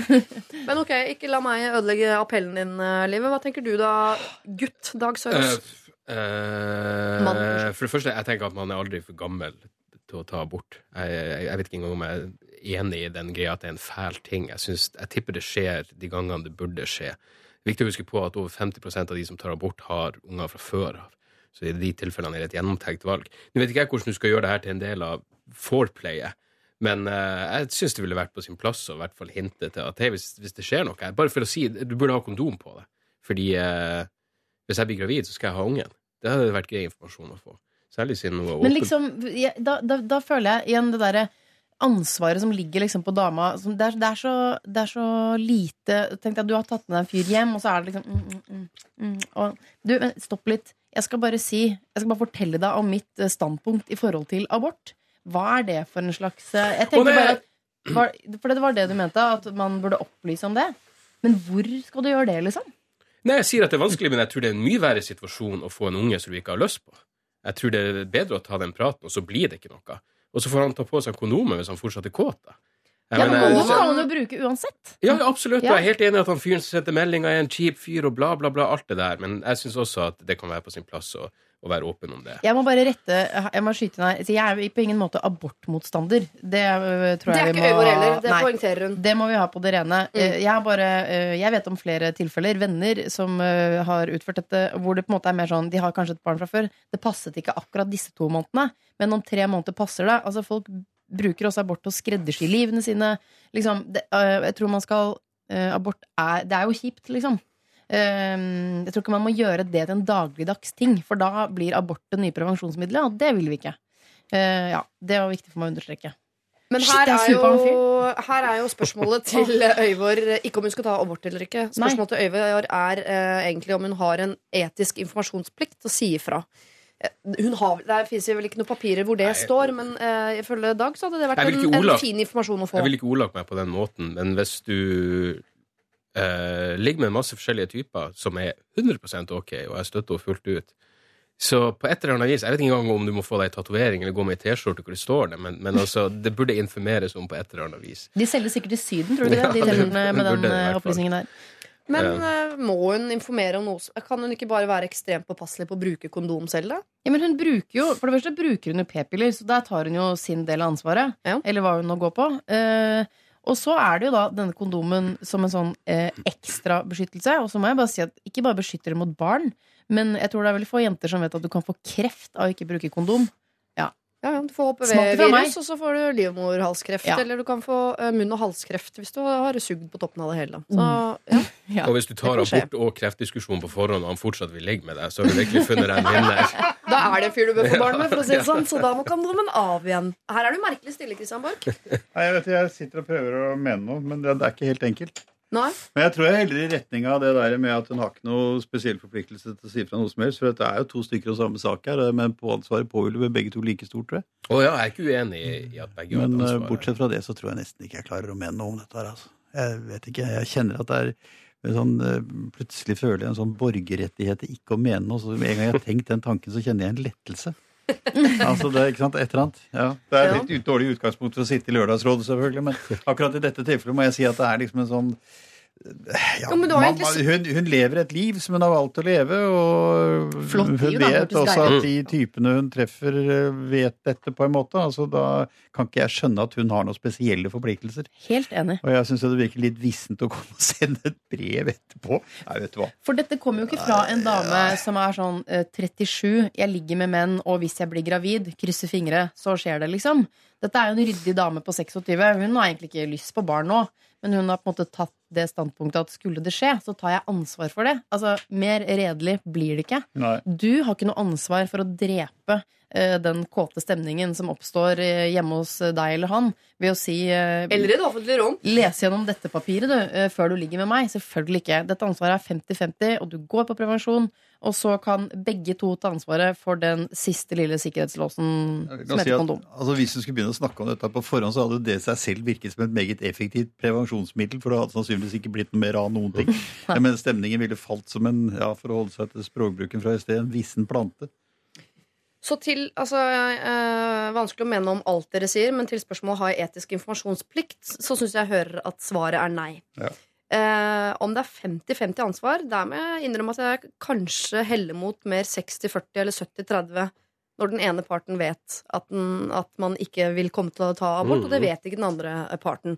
Så da tenker jeg ikke at du har informasjonsplikt, men kanskje du i hvert fall skal være den som foreslår bruk av kondom i disse settingene. Og eh, begge har ansvaret, men kanskje du skal etterstrebe deg å være den som foreslår å bruke kondom når du vet at du mener det du mener, som ikke den andre vet at du mener.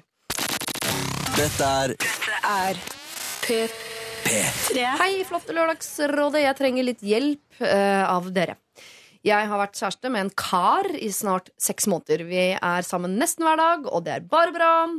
Hver gang vi ligger i sengen, eh, ser på serier eller film, eller bare er i senga for å slappe av, er det eh, rett til spredning av bein over hele dobbeltsenga mi, som er 1,80 ganger 200, og dermed rett ned i balleskrittet. Og lyden er jo skrekkelig, den òg. Jeg syns han har blitt litt vel komfortabel. Eh, hvordan kan jeg si det på en diskré måte? Vi raper og fiser, og så det er ikke det at jeg er fisefin. Men ja, greit. Eh, Men den kløinga eh, er vel over the top. Hilsen en litt lei jeg på 18 år. Takk for meg. Jeg tror hun har skrevet dette i affekt, for det, kan, dere ser litt ut som spørsmålstegn. Og det, eh, de er åpne for rap og fising og alt. Hun syns bare det er litt over the top at hver gang han er liksom i avslappingspositur, så går han rett i Al Bundy. Altså Han går rett med hånd ned på ballet. Om han klør eller koser eller hva han driver med, det, det er uvisst. Antakeligvis en blanding. Skal man være så komfortabel etter seks måneder? Nei, nei, Det er sånn jeg vil si at jeg, jeg vil heller at dama mi skal klø seg i skrittet enn at hun skal rape og fise. Hvis jeg måtte velge. Ja, det, jeg sier det Er vi ute etter alternativer her? Få høre, Christian. Hva Nei, altså, Hva gjør du? Hvordan er det hjemme hos deg? Jeg, jeg skulle til å si noe som jeg ikke er helt sikker på om jeg bør si alderen tatt i betraktning, men dette har noe med et alminnelig dannelsesnivå å gjøre. Og jeg syns dette høres ut som en fyr med en viss eh, mm, svekket sans for estetisk opptreden, om jeg kan si det slik. Altså, dette er litt sånn uh, uh, Jeg tør ikke si ordet, men det er jævlig vulgært, altså. Altså, estetikk, estetikkromosomet er, estetikkromosomet Estetikkromosome, ja. er litt svakt her. Og selve dannelsesnivået her er altså på et absolutt båndnivå, for å si det sånn. Og det er jo mulig at det er mer blitt en norm enn det motsatte. Jeg tror ikke det. fordi at jeg, ja. For det her, Ja, jeg tror jeg lar det henge i lufta etter dette. Her har vi med å gjøre en 18 år gammel jente som jeg eh, hører at gjør noe som jeg hører at veldig mange gjør, nemlig som skryter litt av å være en sånn vi er ikke så nøye på det, vi raper og fiser og «Æ, sånn stemning er det hos oss, liksom. Eh, Jeg vet ikke om det er så lurt. Nei. Jeg synes også faktisk eh, Nå vet jeg ikke om det er noe litt kløing, eller om det er Hvis han alltid ligger med hånda på pungen, så er det klart at jeg ville synes det var um... Ja, men Da må du gå til et apotek og få noe kanesten eller noe. For da er det noe feil hvis det klør hele tiden. Jeg vet ikke om han klør, kan jeg? Han bare holder den, han liker temperaturen eller lukta det gir, eller hva, jeg vet ikke hva som er hans greie. Men eh, hvordan skal vi, kan vi redde dette paret? For jeg tenker at Hvis det etter seks måneder er liksom eh, hånda i skrittet, raping og fising Det er på en måte ingen vei tilbake. Du kan ikke trekke tilbake fisen, liksom. Føler jeg.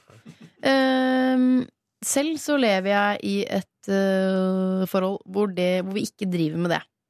Eh, og jeg ser, uh, jeg ser heller ikke fram til Eller jeg tror det, kom, det kommer ikke til å komme en dag hvor det er sånn åh, digg, nå kan jeg slappe av. For jeg slapper helt fint av med det. Ehm, og det handler om jeg er litt, Det handler litt om dannelsesnivå. Jeg Ja, er litt, der er jeg litt enig med Christian. Ja. Nå ble jeg også Var dere enige for 70 Hvor gammel var du? 71? 72. 72. Um, kanskje jeg er litt gammeldags der, men liksom eh, Jeg vet ikke. Jeg syns ikke det er noe hyggelig å ligge og kose sammen med kjæresten i liksom prompelukt. Jeg tror ikke det har noe, det var derfor jeg sa dette med det estetiske. Jeg tror egentlig ikke det har noe med verken alder eller normer og den type ting å gjøre, men det har med en alminnelig oppfatning av estetikk å gjøre. Altså det er rett og slett uh, Mm. Ja. Men også med litt å bevare noe av mystikken. For jeg tenker, og jeg mener at det må gjelde begge. Man skal ikke ha masse hjem hvor det er sånn at han går rundt og raper og fiser, men hun skal late som hun ikke driver med sånt. Neida. Det er jeg imot. Eh, Ingen skal rape og fise. Eller selvfølgelig, rape må være Luft lov. som kommer inn, må jo komme ut. Ja, litt raping må være lov, men Jo, men du ikke sånn liksom Jeg trenger ikke å slå deg på brystet og være Ja. helt Jo, viking, altså, liksom. Noen av oss har jo vært flinke til å opparbeide en måte å slippe lyder ut på både opp og nede, som ikke folk merker så mye til. Da, på en måte, ikke sant? Det er jo Tenker du på i bil nå, alene? jeg, Er mener det er måter å gjøre tingene på, for å si det sånn, da, som har noe med, med estetikken å gjøre her. Jo, men altså, eh, I mitt hus bor det to barn, og de er mine, så det er ikke noe sånn ulovlig. jeg har lagd de, og de er mine og sånn. Kjempesøtt med fising fra Vi ler og syns det er så gøy når Signe fiser meg i hånda og sånn. Ler masse av det. Eh, mens Jesper, da, som er seks år, nå begynner det å bli ekkelt. Så når han fiser nå, tror jeg at det fortsatt er moro. Stakkars, han er jo helt uh, Han skjønner jo ingenting. Han er plutselig uh, inne i en annen verden hvor det ikke er søtt og gøy lenger. Så det er sånn søtt og gøy med henne, men han ekkelt. Han er seks år. Og jeg går ut ifra at uh, Hilsen Lei på 18 her har en type som er eldre enn seks år gammel, da. Og da mener jeg at da skal man ikke drive og være komfortabel med mye sånn fising og ballekløing og sånn. Det må Men hvor mye Hva er det dere spiser, da? Liksom, I forholdet deres? Ertesuppe. Eh, ja, altså, det høres ut som de er sånn oppblåst par. Kanskje det er noen allergier med bildet her? Liksom. Det går jo an å se, tenke den veien òg. Ja. Kan jeg fortelle en eh, privat historie om deg, Live Nelvik? Ja. Som du har fortalt meg en gang, som er noe av det søteste jeg har hørt. Om deg og din eks. Hva du Ja. ga han i bursdagsgave. Husker du hva du ga eksen din i bursdagsgave? ja. At han skulle få lov til å høre deg fise. Så da feis du mens han hørte på, og det var bursdagsgaven. Det skal riktignok han ble eks, ja. Det skal riktignok sies at eh, At da løp jeg ut av rommet og gjemte meg. Eh, Etterpå, For at jeg skammet meg så fælt. men, han, eh, ja, men jeg har et veldig anstrengt forhold til det. Jeg husker og samme eks. Vi var på ferie en gang med min familie i Sør-Afrika. Og det eneste familien min beskriver det som en utrolig nydelig tur. Og jeg husker ingen løver. Jeg husker bare at jeg var matforgifta. Fordi, ja, vi, jeg bodde på rommet med han fyren der og sånn. Og, Det håper jeg. og det var veldig slitsomt for meg å gjemme at jeg var matforgifta. Og da husker jeg han sa sånn eh, Jeg vet at du liksom driter ut av alle åpninger. Det går fint, liksom. Ja. Og da var det deilig han, Ja. han elsker meg for det. Og da var det deilig å senke skuldrene, for da er man syk. Ja. Men å slippe ut liksom den occasion, en occasional fis, det, det, det må man holde seg for god for. Med mindre han ønsker seg det i bursdagsgave. Jeg, jeg, jeg, jeg, jeg tror ikke jeg er prippen eller danna, men det er ikke noe fising og greier hjemme. Men jeg hadde en, eh, en, en situasjon for noen år siden hvor jeg begynte å blø ut av ræva. Og da husker jeg jeg hadde gått på dassen, og så var det sånn Hans og Grete blodspor, og dama mi hadde tørka det opp, og hun gjorde aldri noe big deal ut av det. Snakka aldri om det, og det er kanskje det mest romantiske jeg har opplevd i mitt liv.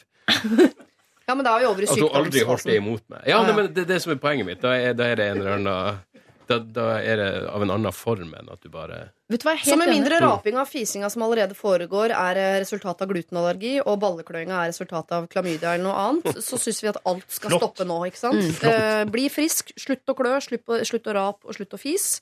Eh, og få mystikken og verdigheten og eh, dannelsen eh, tilbake inn i forholdet. For jeg er enig, du kan ikke ta tilbake en fis som allerede er ute, men man kan ta tilbake noe av eh, dannelsen.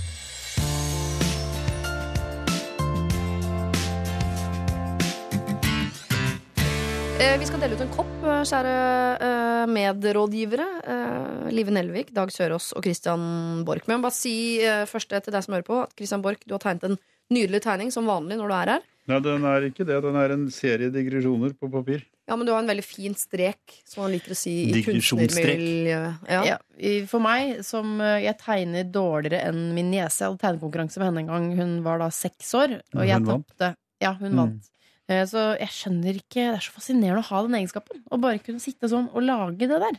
Jeg skjønner ikke heller. Vi har de samme hendene, vi har den samme muligheten til å bruke hånda. Det er den samme pennen. Og noen Ja. får til det der, og noen er altså får det ikke til. Jeg forstår det ikke. Nei, ikke heller. Men Kristian uh, Borch, du uh, får det definitivt til. Vi har lagt ut bilde av bildet ditt på Facebook, og der er det også bilde av, dere, Uh, alle sammen, rådgivere, og meg selv inkludert. Så må gå inn Ikke der. tegnet av meg. Som ikke er tegnet, men som også er vakkert og et mysterium, spør du meg. Og som vi har fått det til, alle sammen. Men ja, gå nå inn og, og, og eh, se på det hvis du er interessert.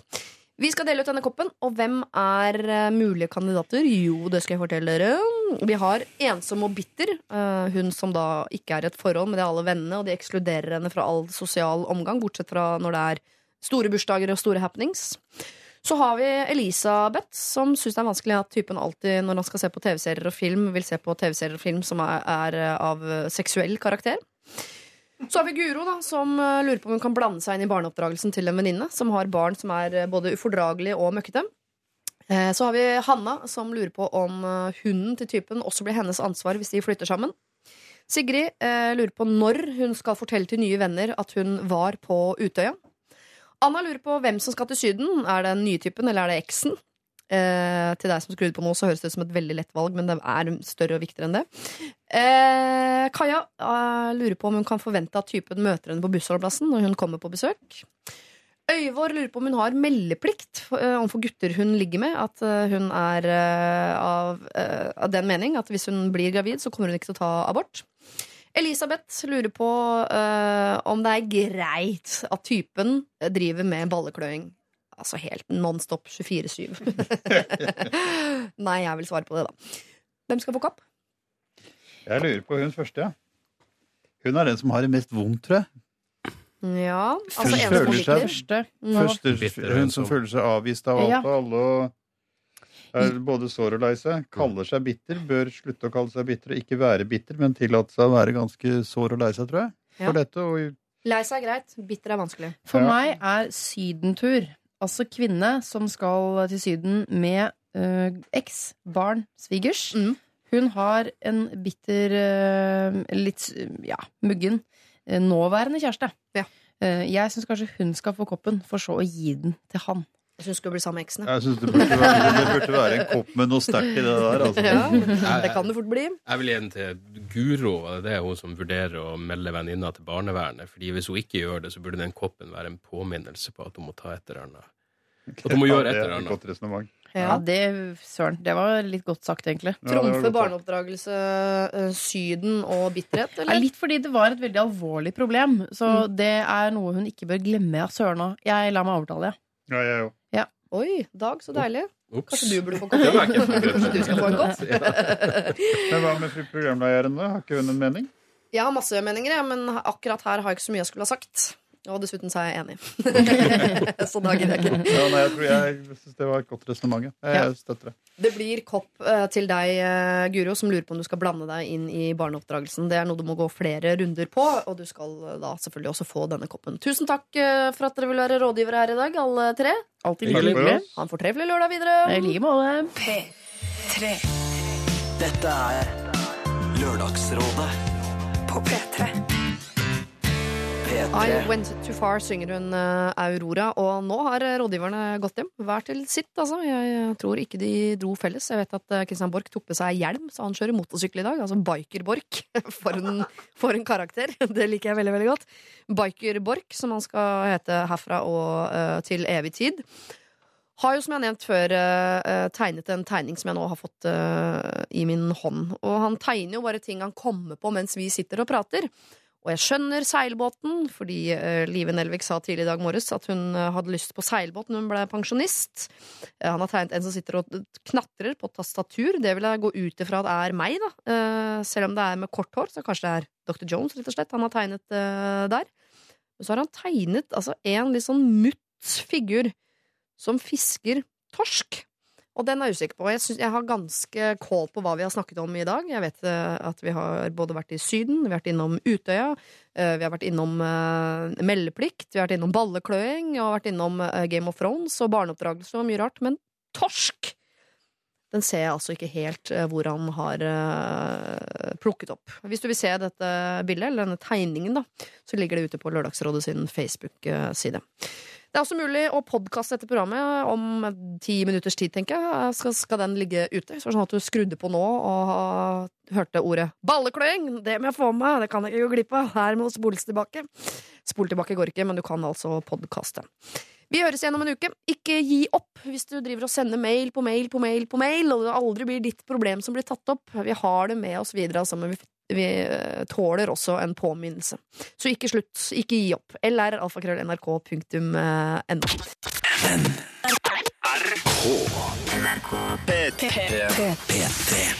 P3.